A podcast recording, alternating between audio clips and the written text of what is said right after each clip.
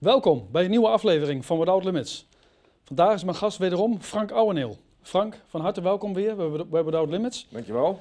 Vandaag hebben we weer een nieuwe studie. Ja. En het gaat over of de kerk toekomst heeft. Vind je dat niet een intelligente vraag? Nou, ik vind het heel interessant. Ja, heeft de Ja. kerk toekomst? Want eh, nou ja, als we willen weten of de kerk toekomst heeft, dan moeten we eerst weten wat de kerk is. Ja. Want een hoop mensen die zullen zeggen, nou de kerk heeft geen toekomst, want ze lopen allemaal leeg. ja, het is zo. Je kunt in Nederland eh, de kerkgebouwen per kilo kopen. Eh, dus die, die, de kerk, volgens de Bijbel, en daar gaat het natuurlijk om, want we Ja. zitten hier niet voor de flauwekul. Eh de kerk in de Bijbel is niet een bepaalde religieuze richting. Is ook niet een bepaald gebouw. Ehm, eh, over het begrip kerk in de zin van de Bijbel zijn ook geen menselijke meningen naar voren te brengen. Het, begrip kerk kun je alleen begrijpen als je het ziet in het licht van de Bijbel. Mensen hebben van het begrip kerk een rommeltje gemaakt. Ik geloof dat er in de wereld een miljoen verschillende kerken en kringen zijn. Je denkt toch niet dat God dat zo bedoeld heeft? Hè? Dat denk je toch niet? Hè? Maar je bedoelt denominaties? Ja, maar goed, wij noemen ze, allemaal, ze noemen zich allemaal kerk. De gereformeerde kerk, de hervormde kerk, de Rooms-Katholieke kerk, de remonstrantse kerk, de doopsgezinde kerk. Ze noemen zich allemaal kerk. Ja. Als, als ik al, eh, nu geboren zou worden, en ik bij wijze van spreken, en ik zou eh, eh, heel vlug volwassen worden, en ik zou naar de kerk willen, zou ik niet weten welke. Ja. Er zijn er duizenden. Ja. Ik heb wel eens gehad, misschien jij zelf ook. Eh, dan sprak ik ergens in een woonplaats en dan kwam ik daar voor het eerst in die gemeente.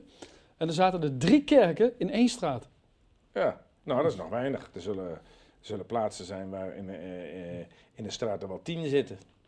Maar, dus laten we nou, nou maar niet erover hebben wat de mensen van de kerk gemaakt hebben. Het is namelijk een puinzooi.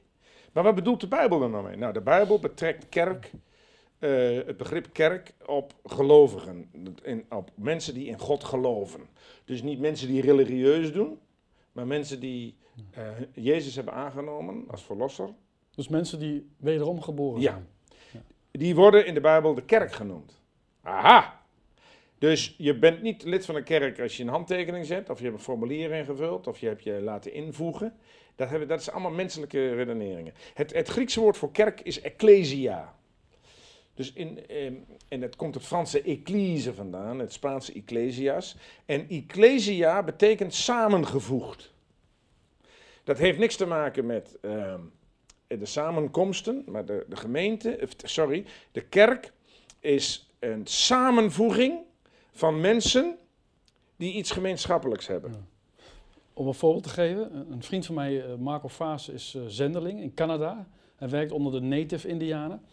En eh, daar komen ook regelmatig mensen tot geloof. Zodra zo'n Indiaan tot geloof is gekomen, is hij onmiddellijk onderdeel van de Bijbelse kerk. Juist. Ja. Ja, precies.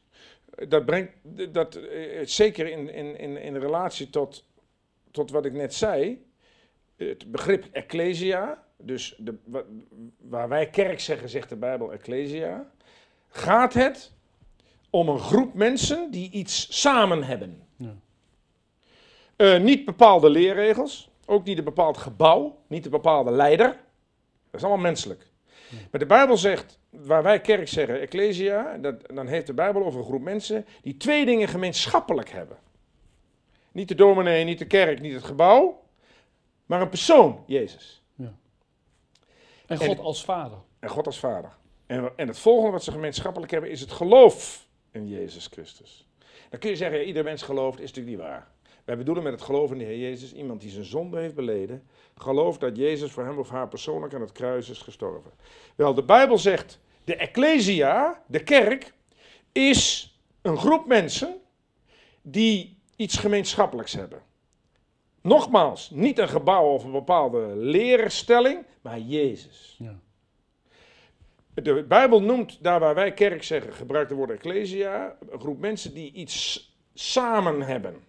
Vandaar dat wij in, in Nederland dat woord ecclesia hebben vertaald met gemeente. In de Bijbel komt het woord kerk niet voor. Ehm, dat is dus waarschijnlijk is het woord kerk een verbastering van ecclesia. Ehm, maar wij, dat woord ecclesia is in de Bijbel in Nederland vertaald met gemeente. Dat is heel mooi. Want wat is dat een gemeente? Een gemeente is een groep mensen die met elkaar iets gemeen hebben. Dat komt het woord gemeente vandaan. De inwoners van de gemeente Zwolle, die kunnen hartstikke verschillend zijn, maar ze hebben één ding gemeen, dezelfde burgemeester. Dus wat, wat, de wat de bewoners van Zwolle allemaal van elkaar scheidt, duizenden dingen. Maar iedereen zal het erover eens zijn, wij Zwollenaren hebben één ding gemeen, dezelfde burgemeester. Um, dus de hemelse gemeente met een hoofd. Dus je hebt de gemeente Zwolle, dat is de gemeente met een kleine letter. Maar de, de gemeente in de Bijbel met een hoofdletter. zijn mensen die allemaal verschillend zijn, maar één ding gemeen hebben: dezelfde heiland, Jezus Christus. En dan nog een aspect. Dus uh, het woord ecclesia betekent samenvoeging. Wij hebben dat vertaald met gemeente. Een gemeente is de samenvoeging van mensen die iets gemeenschappelijks hebben, iets samen hebben, Jezus. Maar de, het woord gemeente betekent nog iets. Dat komt uit het Ecclesia. Ecclesia betekent samenvoeging. De gemeente is de samenvoeging van Joden en heidenen. Dus mensen uit het Joodse volk die Jezus aannemen als de Messias. En mensen die niet Joods zijn, maar in de Bijbel worden ze heidenen genoemd, of Grieken, die ook Jezus aannemen. Uh, zij vormen samen de gemeente zijn vandaag, vandaag een hoop Joden die op hun knieën hebben gebogen voor Jezus de Messias. Er zijn vandaag ook een hoop Spanjaarden en Chinezen die het ook hebben gedaan. Ja. De Joden die dat hebben gedaan en de heidenen die dat hebben gedaan, die, uh, die treden toe tot de, wat jij ook terecht noemt, over die zendeling, de gemeente. Dus de gemeente is niet een bepaald groepje mensen die het leuk met elkaar kunnen vinden en een gebouw hebben gekocht. De gemeente, dat is een groep mensen die iets samen hebben. Jezus. Ja. Wat hebben wij echter gedaan? Wij hebben in die gemeente muren gebouwd. Dat is jammer natuurlijk. En even over dat voorbeeld van, jij, van jou van die zendeling. Stel je voor een Eskimo, hè? Eskimo. Die woont helemaal alleen in de sneeuw, in de iglo. En die vindt een Bijbel. Die is uit een poolschip gevallen. Een Bijbel in zijn taal. En die Eskimo die gaat die Bijbel lezen. er, er is niemand, geen enkele prediking. Hij leest die Bijbel en hij komt tot geloof. Hij buigt zijn knieën voor Jezus. Op datzelfde moment treedt hij toe tot de gemeente. Ja. Want de gemeente is een groep mensen die een, iets gemeen met elkaar hebben. Jezus. Jij en ik hebben gemeen dat we allebei een bril op hebben. Verder zijn we misschien heel erg verschillend. Maar wel nu de leden van de hemelse gemeente hebben met elkaar gemeen, of schoon ze allemaal verschillend zijn, Jezus. En dat maakt de gemeente tot iets geweldigs. Dus, de gemeente te Zwolle, laten we dat voorbeeld noemen, met een hoofdletter, zijn alle mensen in Zwolle die de Heer Jezus hebben aangenomen. Dat hebben ze gemeen. Zondags gaan ze allemaal een verschillende kant uit. Die gaat daarheen, die gaat daarheen, die gaat daarheen, die gaat daarheen, die gaat daarheen. Stel je voor dat de gemeente te Zwolle, dus alle gelovigen in Zwolle, die de Heer Jezus hebben aangenomen. Stel je voor dat die eens een keer besluiten, luister eens, we gaan zondag komen wij in één zaal samen. Heb je een grote zaal Nee, die heb, zaal heb je in Zwolle niet. die heb je in Zwolle niet. Dat was wel Gods bedoeling. Stel voor, Paulus komt binnen in Zwolle met zijn auto. Die rijdt zo Zwolle binnen. Hè? Oh, eh, die rijdt zo Zwolle binnen over de oude Meppelerweg. En die doet zijn raampje open. En die zegt, kunt u mij zeggen, de gemeente hier in Zwolle? En dan zegt hij, wel, ja, bedoelt gemeentehuis? Uh, nee, nee, ik ben Paulus, ik ben een prediker. Ik wil graag in de gemeente het woord doorgeven. Uh, de gemeente van Jezus Christus. Uh, waar is die? Toen Paulus met zijn Peugeot in Colosse kwam, zeiden de mensen daar. In Thessalonica zeiden ze daar. Want daar was de gemeente samen in één zaal. Dan zou die man in Zwolle zeggen, ik zou het niet weten meneer. Je kunt daar naar de kerk, je kunt daar naar de kerk, je kunt daar naar de kerk, je kunt daar naar de kerk. Die gemeente is versnipperd over zoveel kerken en kringen. Dat kun je positief noemen en, en veelzijdig, maar dat was Gods bedoeling niet. Gods bedoeling was dat als iemand zou zeggen, waar is de gemeente te Zwolle? Dat iemand zou kunnen zeggen, daar, in die grote zaal. Die mensen zijn allemaal verschillend, maar ze hebben één ding met elkaar gemeen. Jezus. Maar die versnippering, hè? Eh, zie je dat dan als werk van de duivel? Ja, allereerst, niet altijd de duivel heeft niet altijd de schuld. Het werk van mensen. mensen. Dus in de begintijd was de gemeente een eenheid. Handelingen 2, iedereen, als je vroeg was de gemeente daar. Maar die mensen zijn met elkaar gaan ruzie schoppen. Uh, die uh, was het niet eens met die, die was het niet eens met die. En zo gingen ze uiteen. En gingen apart samenkomen en, gingen, en groepjes maken. Het bleef dezelfde gemeente. Want ze geloofden allemaal in de Heer Jezus. Maar ze zetten de muren in. In de afgelopen eeuwen zijn er duizenden, tienduizenden muren gezet in de gemeente. En straks als de Heer Jezus komt en we gaan naar de hemel, zijn die muren weg. Ja. Nu zijn ze er. En dat is erg. Maar straks zal in de hemel weer die gemeente zijn. En dan zullen we ons verbazen over die. Hé, hey, die heb ik daar zien lopen. Je ging zondags naar die kerk. Ik heb altijd een rare man gevonden, want waarom ga je nou naar die kerk? Maar hij heeft kennelijk zijn knieën gebogen voor de Heer Jezus. Hij behoort tot de gemeente. Wat jammer dat hier op aarde al die muren staan, maar in de hemel zijn al die muren weg. In de hemel zijn geen hervormden, geen gereformeerden, geen baptisten, geen pinksterbroeders.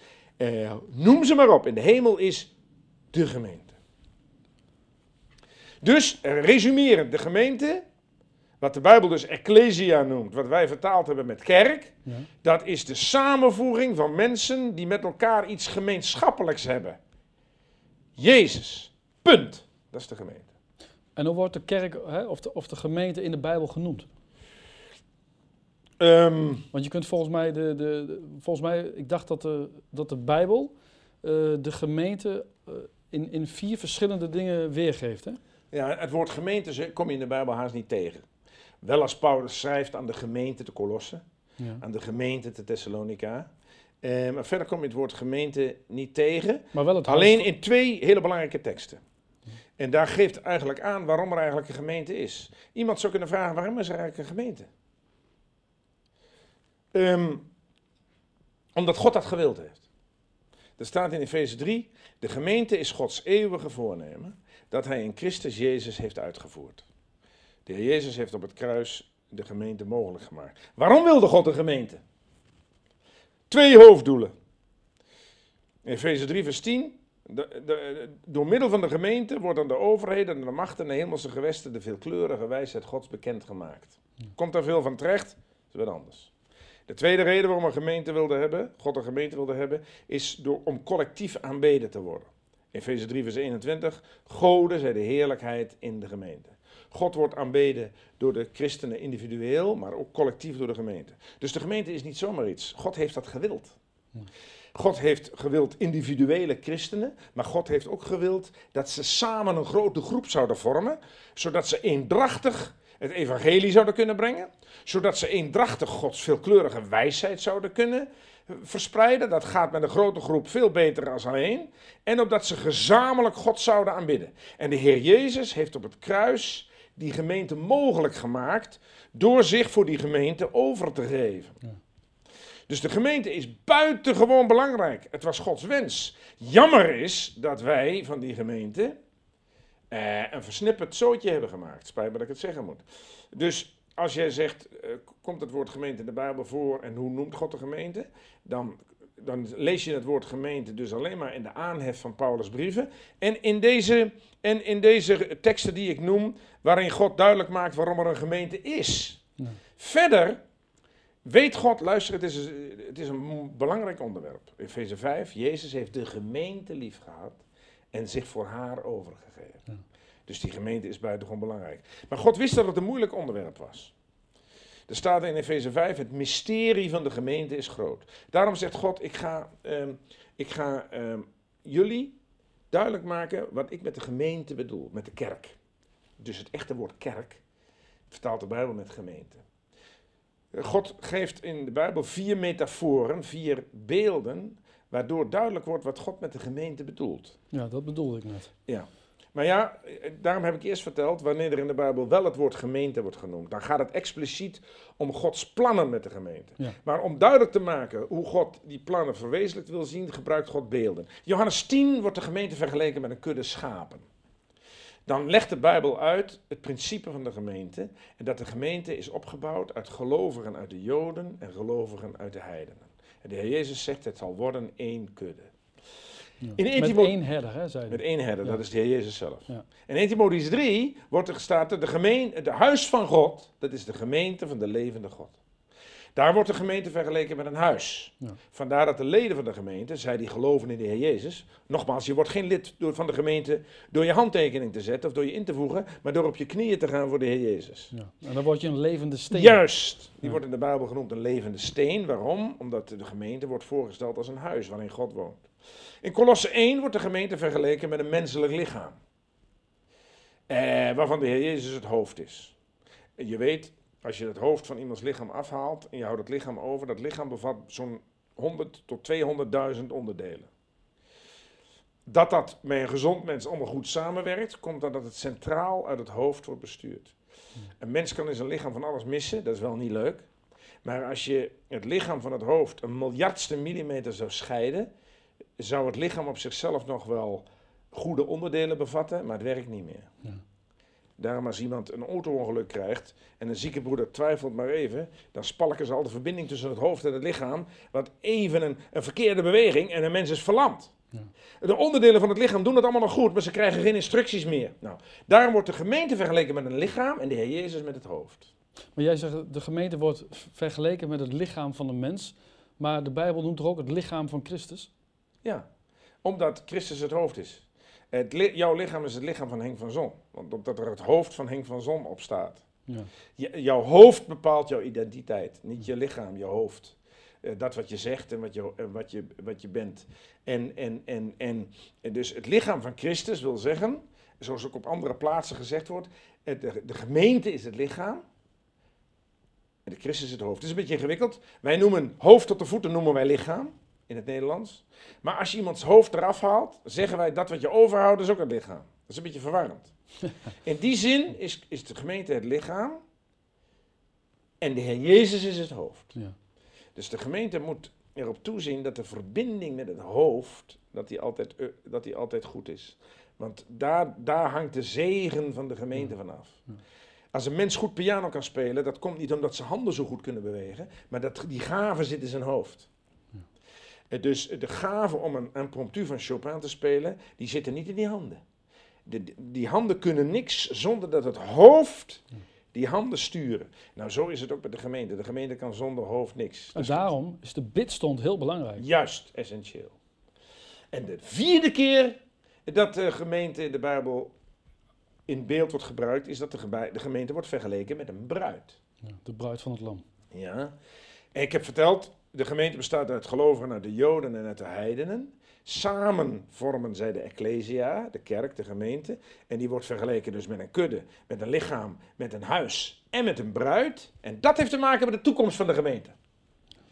Dus de gemeente als de kudde heeft te maken met de, met de principes van de gemeente. De gemeente als het huis heeft te maken met het feit dat de gemeente de woonplaats is van God. De gemeente als het lichaam heeft te maken met het functioneren van de gemeente. En als God in de Bijbel de gemeente vergelijkt met een bruid, heeft het te maken met de toekomst. Heeft de kerk toekomst? Ja, maar niet de gebouwen. Niet wat wij ervan gemaakt hebben. Niet wat wij daarvoor gezet hebben, hervormd, gereformeerd, baptist. Ik moet nou uitkijken eh, dat ik niemand op de tenen trap. Eh, maar er zijn in de wereld eh, honderdduizenden eh, denominaties eh, die een bepaalde naam hebben en daarachter het woord kerk zetten. Maar de Bijbel heeft het over de kerk, de gemeente. En die heeft een toekomst, ja. Die heeft een toekomst. En eh, omdat in de, in, de, in de Bijbel de gemeente de bruid wordt genoemd en de Heer Jezus de bruidegom. Er staat in Johannes 3 dat de Heer Jezus zegt die de bruid heeft is de bruidegom, Christus. En je hebt zelf al gezegd, de gemeente wordt genoemd de bruid van het lam. Niet de bruid van Jezus, maar de bruid van het lam. En als er gesproken wordt over een bruid en een bruidegom, is er dus een bruiloft. Ja. Wat heb je nou aan een bruid en een bruidegom als er geen bruiloft is? Dus ehm, er staat in 1 Petrus 1, wij zijn vrijgekocht met het kostbare bloed van Christus als van een onberispelijk en vlekkeloos lam. Wij zijn de bruid van het lam. Wij zijn nu nog op aarde. De bruidegom is al in de hemel. Dat is een ongezonde situatie. Wat heb je aan een bruidegom die in Hongkong woont en een bruid die woont in Zuid, eh, in, in Zuid-Limburg? En daar heb je geen fluit aan. Je kunt daar moeilijk spreken van een huwelijksrelatie. Wel nu, de Heer Jezus is de bruidegom, die heeft de bruid gekocht met zijn bloed. Maar de bruid is nog op aarde. Logisch dat er een moment zal komen dat de bruid naar de bruidegom toe gaat. Ja. En daarom spreekt de Bijbel over de bruiloft van het lam. En die zal in de hemel plaatsvinden. En wanneer zal die plaatsvinden? Spoedig. Als de Heer Jezus. ehm, eh, dus eh, eh, eerst hebben we gezien in Efeze 5, de Heer Jezus heeft zijn gemeente lief gehad. En zich voor haar overgegeven. Hmm. Ehm, eh, Als een lam dat geslacht werd en vandaar ook de bruiloft van het lam. Precies. Ja. Wij zijn niet, er staat niet de bruiloft van Jezus of de bruiloft van de bruid, maar de bruiloft van het lam. Ja. Met andere woorden, door het lam van God te worden op het kruis van Golgotha, heeft de Heer Jezus zich zijn bruid verworven. Hij heeft haar gekocht met zijn bloed. Ja. Daarom staat er ook in openbaring 5, eh, het lam dat geslacht is, eh, heeft ons gekocht met zijn bloed uit elke stam en taal en volk en natie. Dus die bruid bestaat uit Joden, Chinezen, Fransen, Spanjaarden, Russen enzovoort. En, maar de, de bruidegom is nu in de hemel, de bruid is hier op aarde. En de Heer Jezus zegt heel verliefd in Johannes 14, ik kom weder en dan zit hij, ik zal jullie tot mij nemen, opdat jullie zijn mogen waar ik ben. Dat is de taal van verliefdheid. Ja. De Heer Jezus zegt, opdat jullie zullen mogen zijn waar ik ben. En ik ben in de hemel. En ik kom heel gauw, ik ben eerst even netjes alles aan het voorbereiden. Ik zorg dat de woningen daar geweldig in orde is, zoals vandaag de dag een bruidegom het huis keurig in orde maakt. En dan zegt de Heer Jezus, als ik dat gedaan heb, dan kom ik jullie halen, bruid. Allen die in mij geloven, Ja. Opdat jullie mogen zijn waar ik ben. Dat is de taal van de liefde. En kom ik jullie halen, dat duidt op de opname van de gemeente. Ja, en die gaat heel spoedig plaatsvinden. Ja. Dus eh, even op je vraag, wanneer gaat dat gebeuren? Het kan zijn dat de Heer Jezus morgen komt. Ja. En als de Heer Jezus morgen komt, dan ehm, gaan wij naar hem toe. En dan zullen we zijn waar hij is. En dan zal er een bruiloft plaatsvinden. En dan zullen wij ehm, feest vieren, de bruiloft van het lam. En dan zullen wij voor altijd bij de Heer Jezus zijn. Heel moeilijk is dat tegenwoordig voor te stellen. Maar vroeger was de bruiloft de eerste dag van waaraf je altijd samen was. Tegenwoordig is dat niet meer zo. De, heel veel mensen zijn al samen, man en vrouw. En de bruiloft is een feest, een duur feest, maar er verandert weinig. Maar in de, in de Bijbelse zin is een bruiloft de eerste dag van het altijd samen zijn. En daarom spreekt de Bijbel over de bruiloft van het lam. Er komt een moment dat wij altijd bij de Heer Jezus samen zullen zijn.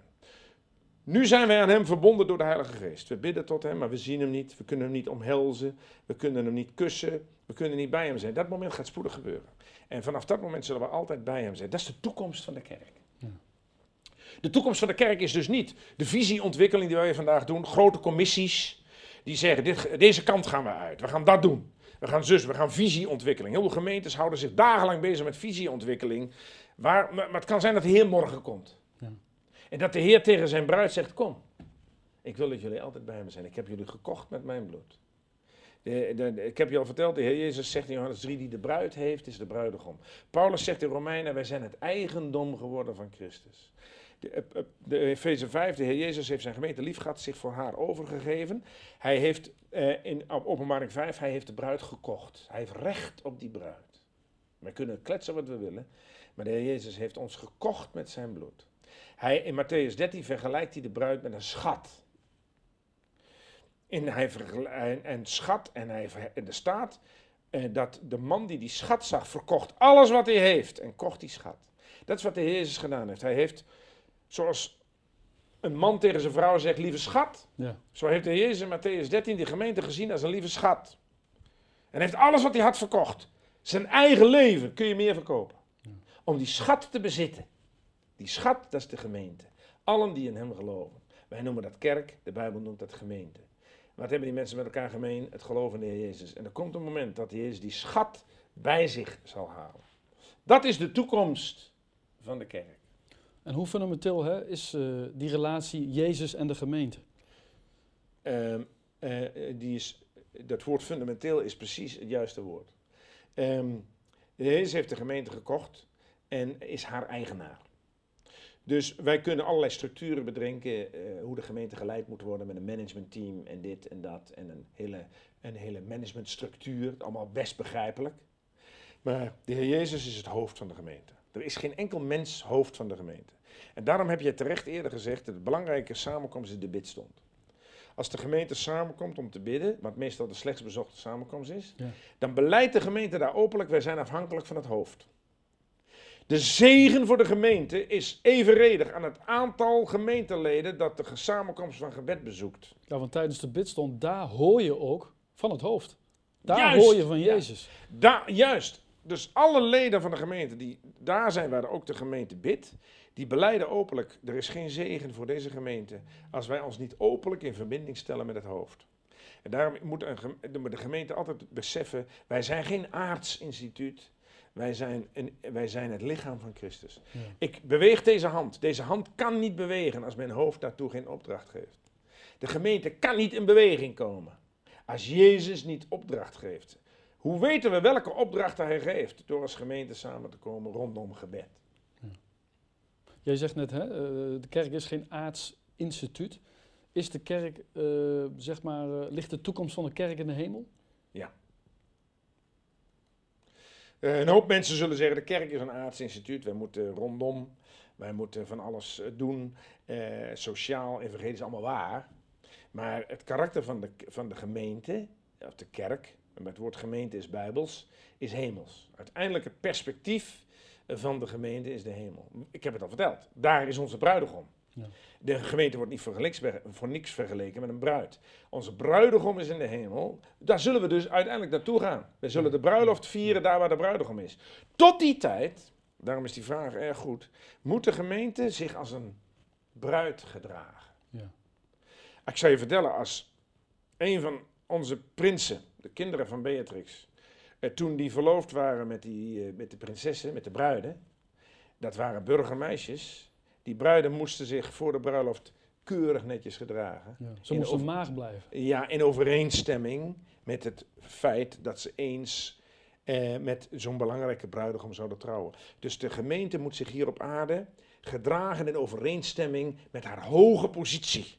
Namelijk verbonden aan de bruidegom Jezus Christus. De- Dus, dus alles hier op aarde moet een afstraling zijn van haar hoge positie. Zoals wij het spreekwoord kennen, adeldom verplicht. Maar het perspectief is het vaderhuis, daar waar de Heer Jezus is. En waar wij voor altijd bij Hem zullen zijn. Want Hij heeft ons gekocht met zijn bloed. En we zullen Hem daarvoor eeuwig aanbidden. Amen. Amen. Ja, de gemeente hè, is nu nog op aarde, maar de hele gemeente is straks in de hemel. Niet meer gescheiden door muren Nee. en door ruzies en door oneenigheden en, en noem maar op. Dan is de gemeente één. Geweldig. En, en Efeze 5 zegt ook dat de Heer Jezus eens de gemeente voor zich zal stellen. Zonder vlek of rimpel of iets dergelijks. Ja. Daar zien wij naar uit. Want de gemeente is nu verdeeld. Maar straks zullen wij rondom de Heer Jezus staan. En zonder muren één. En we zullen hem eeuwig aanbidden. Van deze studie van de gemeente heb jij volgens mij ook een DVD. Ja, Want die duurt geloof ik wel twee uur. Hè? Dat is een Ja, hele dat- uitgebreide studie. ja, die studie op die DVD behandelt al die vier metaforen. Dus de gemeente als de kudde schapen. Ja. De gemeente als het huis van God. De gemeente als het lichaam van Christus. En de gemeente als de bruid van het lam. Dat is een dubbel DVD Ja. die men op www.frankouweneel.nl kan bestellen. Oké. Nou Frank, hartelijk dank voor deze openbaringen die je ons vandaag hebt gegeven. Geweldig onderwerp, de gemeente, hè, ook waar we allemaal onderdeel van zijn. En eh, ik zie je graag de volgende keer terug bij een nieuwe aflevering. Hartelijk dank. Graag gedaan.